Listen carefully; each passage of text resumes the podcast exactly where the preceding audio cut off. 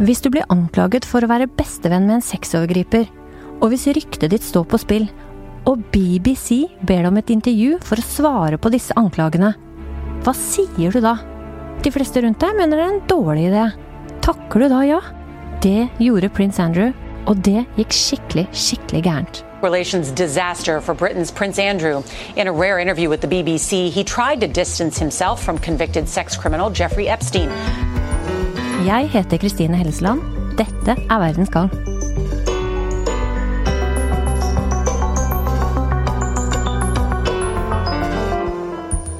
Prins Andrew stilte opp i et intervju med BBC for å snakke om vennskapet sitt med Jeffrey Epstein.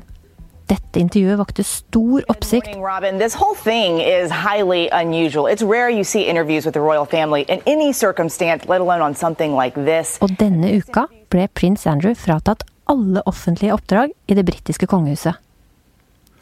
Inger Merete Hobbelstad er journalist i Dagbladet og har skrevet boken 'Årene med Elisabeth' om den britiske dronningen. Jeg kan jo sitte langt fra mikrofonen, da er det bedre, eller? Ja, der ble det litt bedre.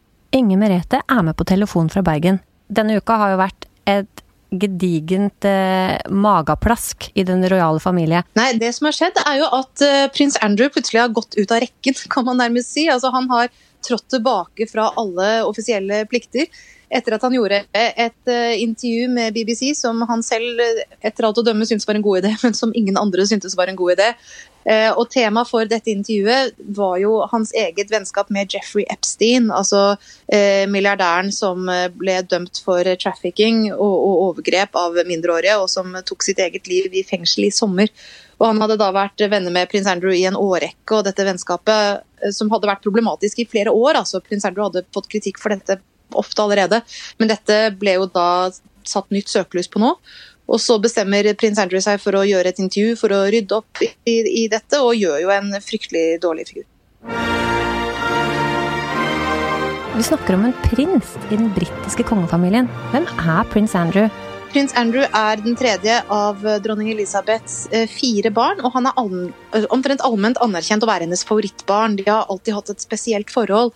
Eh, det har litt å gjøre med flere ting. Han var et sånt etterlengtet tredje barn. De hadde prøvd i flere år å få barn, og så ble hun omsider gravid med ham. Hun hadde på det tidspunktet vært dronning i flere år og kunne begynne å ta det litt mer med ro, slappe litt mer av, så hun hadde kanskje mer tid til denne babyen enn hun hadde til de to foregående. Eh, og så har det jo ofte vært et litt anspent forhold mellom Elizabeth og prins Charles. Eh, altså Han er en, et følsomt barn, og hun er en litt sånn robust, tøff dame. Og, de har ikke alltid hatt verdens beste kjemi. da. Eh, og prinsesse Anne har vært veldig veldig lik prins Philip.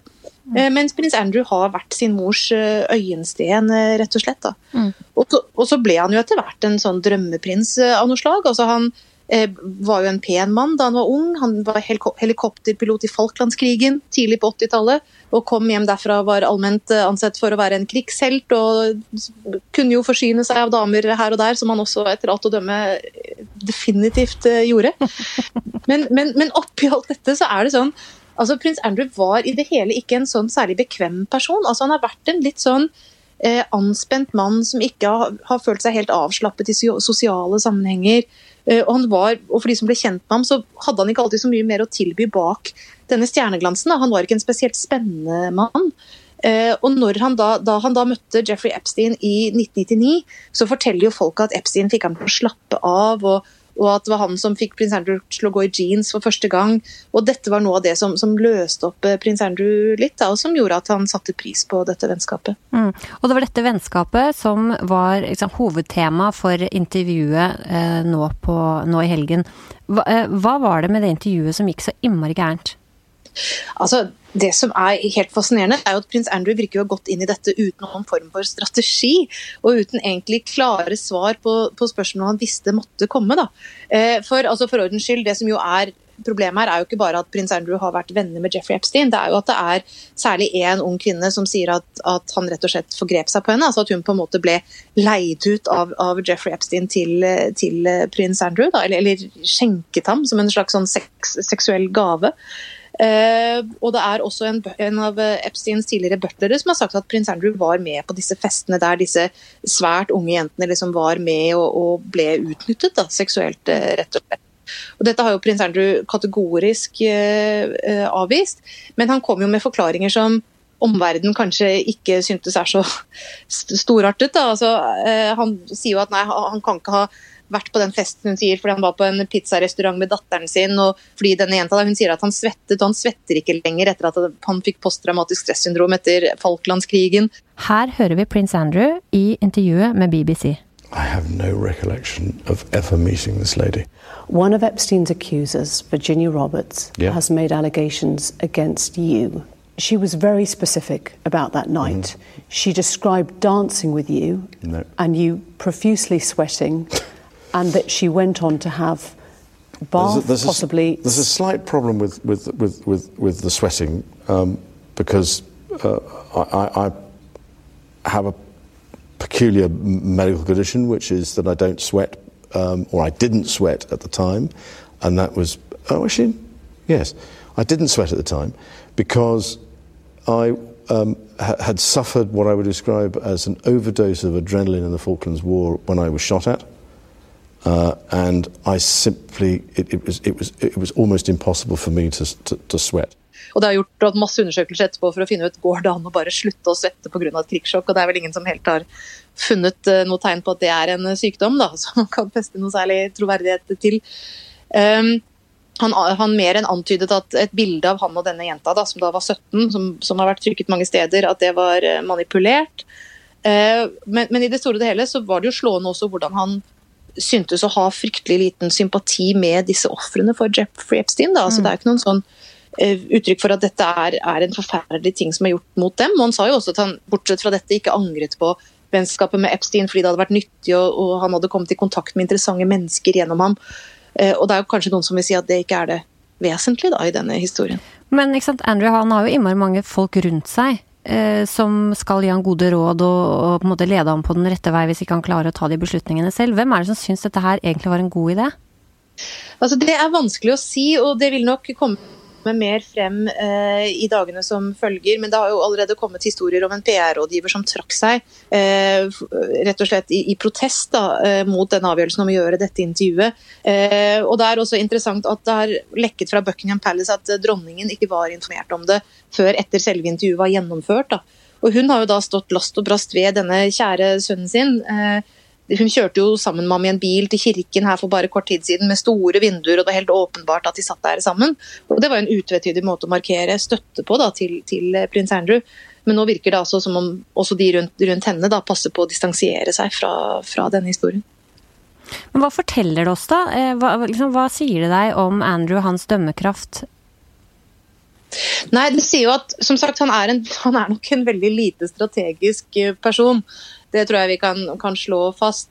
Eh, og, og så er det også en påminnelse om at de kongelige, selv om de er eh, ekstremt eh, berømte, eh, så er de veldig veldig sjelden i situasjoner som dette her, da, der de blir stilt eh, kritiske spørsmål og svarene deres blir ettergått eh, i, i ettertid. Så du kan si at dette er ikke noe verken han eller de andre kongelige har så mye erfaring med, men han har jo likevel håndtert det på en helt forbausende klønete måte. There are a number of things that are wrong with that.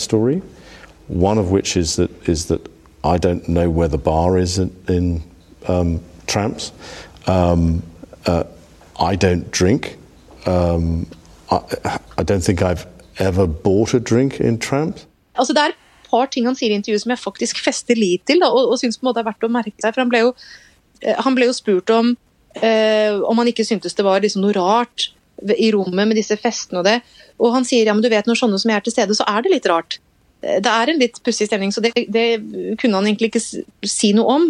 Eh, og akkurat det kjøper jeg faktisk, da, fordi det er jo noe med kongelige at, at rommet endrer seg litt når de er der. ikke sant? Alle blir litt anspente og litt rare og, og, og sånn. De vet ikke helt slik, altså Rommet slik jeg er i det nå, og rommet slik de ville vært hvis jeg ikke var der. Hva er forskjellen på de to tingene? Eh, det ville faktisk ikke vært mulig for dem å si. I kjølvannet av dette intervjuet så sa eh, dronning Elisabeth nå at eh, nå må prins Andrew trekke seg tilbake. Eh, gjør hun det fordi hun er redd for at eh, han skal bli straffeforfulgt, eller eh, er det vanskelig å utøve ikke sant? Det er jo litt vanskelig å se for seg at han skal sette seg på et fly til USA, nå som både FBI og advokater eh, står i kø for å snakke med han. Eller, eller er det andre ting som ligger bak, tenker du? Altså Jevnt over tror jeg bare det er et forsøk på å få den historien til å gå bort. ikke sant? At, at, den ikke skal dominere nyhetsbildet. For det er klart at så lenge prins Andrew er der ute og, og åpner fabrikker og deler ut priser og sånn, så vil dette være en del av dekningen av ham. da. Og, sette selve kongefamilien og monarkiet i et uh, dårlig lys. Men så er det for øvrig en side av saken, sånn hvis du ser tilbake i, i historien, da, så har dronningen selv faktisk noe av ansvaret for at, eh, for at, dette skjedde, vil jeg si. Da. Og da tenker du på det skilsmisseoppgjøret mellom Andrew og, eh, og Sarah Ferguson? Ja. Altså hvis vi skal se på den historiske bakgrunnen for det som skjer nå, eh, så har jo det med å gjøre at prins Andrew giftet seg med Sarah Ferguson i 1986. Og i 1992 så ble de separert. Det var jo det eh, som ble kjent som dronningens fryktelige år. Annus horribilis. Eh, to av barna hennes ble separert, og, og et tredje ble skilt i, i løpet av det året. Eh, og det som hadde skjedd da, det var at det hadde vært masse skandaler rundt Sarah, da, eller Fergie, som hun jo var kjent som på, på folkemunne og i avisene. Det hadde blitt tatt bilder av henne på ferie med menn hun på ingen måte burde vært på ferie med. Eh, det var bilder av henne mens eh, finansrådgiveren hennes eh, suttet på tærne hennes, og det var ikke bra, da, dette her. Og kongefamilien var selvfølgelig fryktelig sinte, og Fergie sto da ikke spesielt sterkt i skilsmisseforhandlingene som fulgte etter det. Og hun kom ut av dette med en relativt lav pengesum, altså mye mindre f.eks. enn den prinsesse Diana fikk men ikke sant? du kan tenke deg at hun er jo fremdeles hertuginne, hun er mor til to prinsesser. Eh, men hun kommer altså ut av dette med relativt lite penger. I suppose I'd run up a lot of debts and I need to get out to work. And um, you can't be a member of the royal family and work really in this country. It's better to. Uh, Is that why you got divorced? Well, no, I think also that um, Andrew and I um, had our differences, you know. We, uh... eh, og hun har aldri vært noe god med penger heller. Så det hun da gjør, er at hun bruker mye mer penger enn hun har. Eh, hun havner i dyp gjeld. Hun begynner, begynner, å gjøre sånn beklemmende ting for å tjene penger. Hun skriver bl.a. en memoarbok som utleverer kongefamilien på en, på en, måte som ingen hadde sett make til da, eh, før det. Og Det som etter hvert skjer, det er at prins Andrew får beskjed av sin mor om at han må sørge for at noe av Sarahs gjeld blir betalt, slik at hun ikke har denne insentiven til å gjøre sånne fæle ting. da, Fra deres øyne eh, fæle ting. Og, men prins Andrew har heller ikke så fryktelig mye penger. Eh, han er jo bare marineoffiser, og så har han pengene han får fra moren sin, og, og så får han ettergitt utgiftene til offisielle oppdrag. Eh, så det som skjer, er at han får Jeffrey Epstein til å betale eh, betydelige deler av Sarahs gjeld. Eh, og det Sarah Ferguson selv har innrømmet, er at eh, Jeffrey Epstein betalte 15 000 pund for henne. og Dette er en veldig liten sum, det er 150 000 kroner eller noe mer enn det. Men de fleste antar jo at, eh, at det er snakk om en betydelig større summer enn det. Så Dermed så plasserte jo prins Andrew seg også i en takknemlighetsgjeld og et slags avhengighetsforhold til Jeffrey Epstein.